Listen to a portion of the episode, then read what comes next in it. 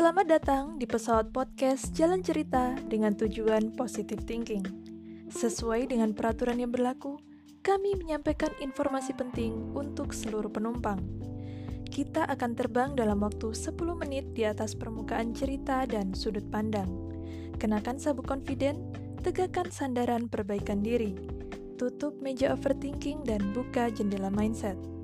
Pesawat ini dilengkapi tiga pintu darurat, Pintu cerita ada di depan, pintu motivasi ada di tengah, dan pintu solusi di bagian belakang. Demi alasan keselamatan, harap Anda tidak mengaktifkan segala bentuk insecure dan penyesalan berlebihan di dalamnya. Penerbangan ini bebas asap pikiran negatif. Selamat menikmati penerbangan Anda.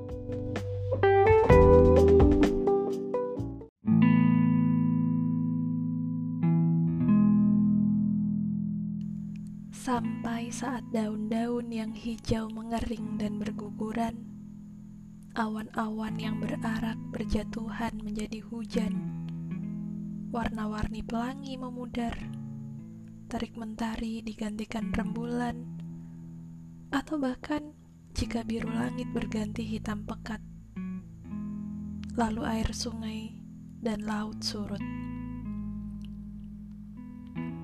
Sampai pada saat itu terjadi, sedetik pun kita tidak mampu mengulur. Halo teman baik jalan cerita. Seperti biasa, saya tidak akan bertanya apa kabar ke kalian. Sebab di mana dan dengan siapa pun kalian berada saat ini, saya selalu berharap kalian selalu sehat, baik, dan bahagia. Sebab jika pun tidak, semua itu hanya perihal rasa syukur teman-teman.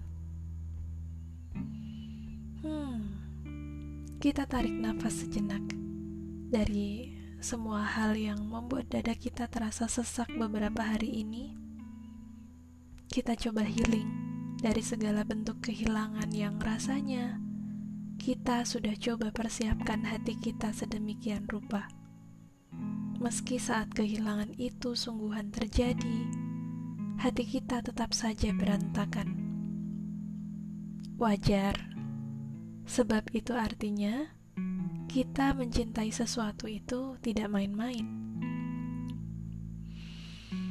Hmm, sesuai dengan judul yang tertera di sana, pulang Yap, kata yang identik dengan rumah, tempat tinggal, tempat untuk menetap. Tetapi, lebih dari itu semua, pulang adalah tentang rasa nyaman, rasa aman, dan kasih sayang. Mengapa saya katakan demikian? Sebab pulang tidak harus untuk mereka yang punya rumah dan tempat tinggal saya pernah menemukan orang-orang yang sibuk menengadah di jalanan, berpakaian lusuh. Kalian tentu tahu, beberapa dari mereka rumah bukan lagi tempat untuk pulang. Bisa jadi emperan toko, trotoar, atau mungkin kolong jembatan adalah tempat mereka pulang. Saya juga pernah menemukan seseorang yang berpenampilan wah, kendaraannya mewah, rumahnya megah. Tetapi semua itu juga bukan kebahagiaan bagi mereka. Mereka tidak tahu apa itu pulang. Sebab rumah yang orang lain anggap rumah itu bukan tempat tinggal yang nyaman untuk membuat hati mereka betah. Kalau kita baca-baca lagi dari nasihat lama, ada beberapa hal yang tidak bisa kita tentukan. Seperti misalnya jodoh, hidup, mati, dan rezeki. Yap, manusia memang tidak bisa menentukan di mana atau dari keluarga seperti apa dia dilahirkan. Bisa jadi dari keluarga yang hangat dan tentram, atau bisa jadi dari keluarga yang, maaf, berantakan. kita juga tidak bisa menyalahkan takdir. Yang bisa kita lakukan adalah bagaimana kita menyikapi takdir. Seorang coach pernah berkata bahwa besi hanya bisa ditempa dengan baja.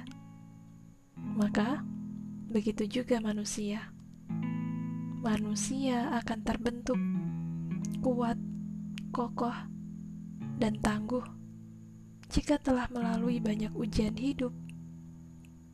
Memang, kadang dia akan merasa bahwa dunia ini seolah runtuh dan menimpanya. But remember, life must be gone whatever happened. Hidup memang ibarat sebuah perjalanan panjang, teman-teman. Melelahkan sekali sangat-sangat melelahkan. Bukan sekedar karena naik turunnya yang kadang seperti roller coaster, tetapi juga karena di beberapa persimpangan kita harus melepaskan dan kehilangan. ya, di sepanjang perjalanan itu kita akan akrab dengan orang-orang baru. Beberapa dari mereka akan berjalan beriringan dengan kita sampai di ujung jalan sana. Beberapa yang lain harus berputar arah, sedang yang lainnya harus berpisah. Jangankan yang tidak memiliki aliran darah dengan kita, bahkan satu-satunya rumah yang seharusnya menjadi tempat kita pulang, kadang tidak serumah itu kalau begitu, siapa yang salah di sini? Tidak ada yang salah. Sebab, sebagaimana yang selalu saya bilang, bahwa setiap orang mempunyai sudut pandang. Begitu juga kalian, dan begitu juga mereka. Mereka tentu punya alasan mengapa harus memilih meninggalkan, entah masuk akal ataupun tidak masuk akal, entah kita terima atau tidak terima. Begitulah, karena jatah kita untuk mengenalnya, hidup bersama, dan bahagia itu sudah habis. Sebab sudah ada takdir baru dan cerita baru yang menunggu. Saya tahu manusia memang terkadang serakah, maunya semua jadi miliknya Maunya semua orang mencintainya. Maunya dia tidak pernah mengecewakan dan dikecewakan. Tetapi kita kan manusia biasa. Ada batas limitnya. Kadang tuh ya, kita tidak punya pilihan lain selain menerima kehilangan. Sebab apa-apa yang tidak baik memang sebaiknya dihilangkan ketimbang menjadi beban hidup, beban pikiran. Memang, pisahan adalah fase terberat dalam hidup. Orang bisa stres, tidak enak makan, tidak enak tidur. Tetapi seperti yang saya bilang, life must be gone whatever happened.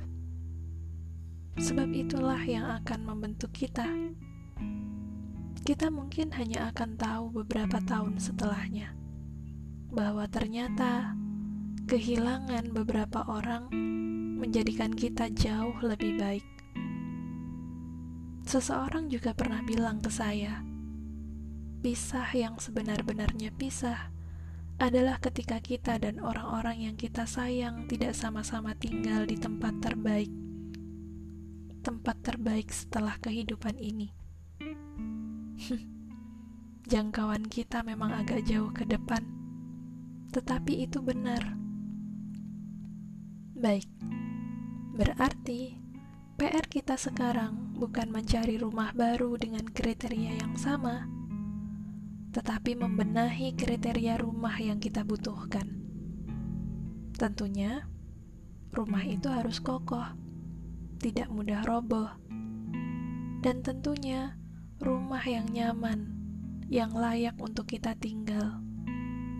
Rumah yang bukan sembarang rumah. Memang ada rumah yang seperti itu. Tentu ada. Dan ke sanalah sebaiknya kita pulang. Ke rumah yang tidak akan pernah membiarkan kita sendirian. Rumah yang dengan mengingatnya, hati kita menjadi tenang dan tentram.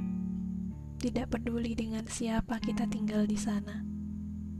Ya, dialah pencipta kita yang seharusnya menjadi rumah tempat kita pulang dan bersandar, tempat kita menjadi paling lemah.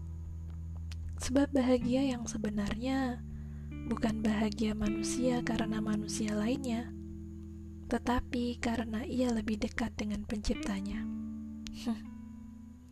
Terima kasih ya. Terima kasih sudah berkenan terbang bersama podcast Jalan Cerita. Saya El. Salam hangat dari Jalan Cerita.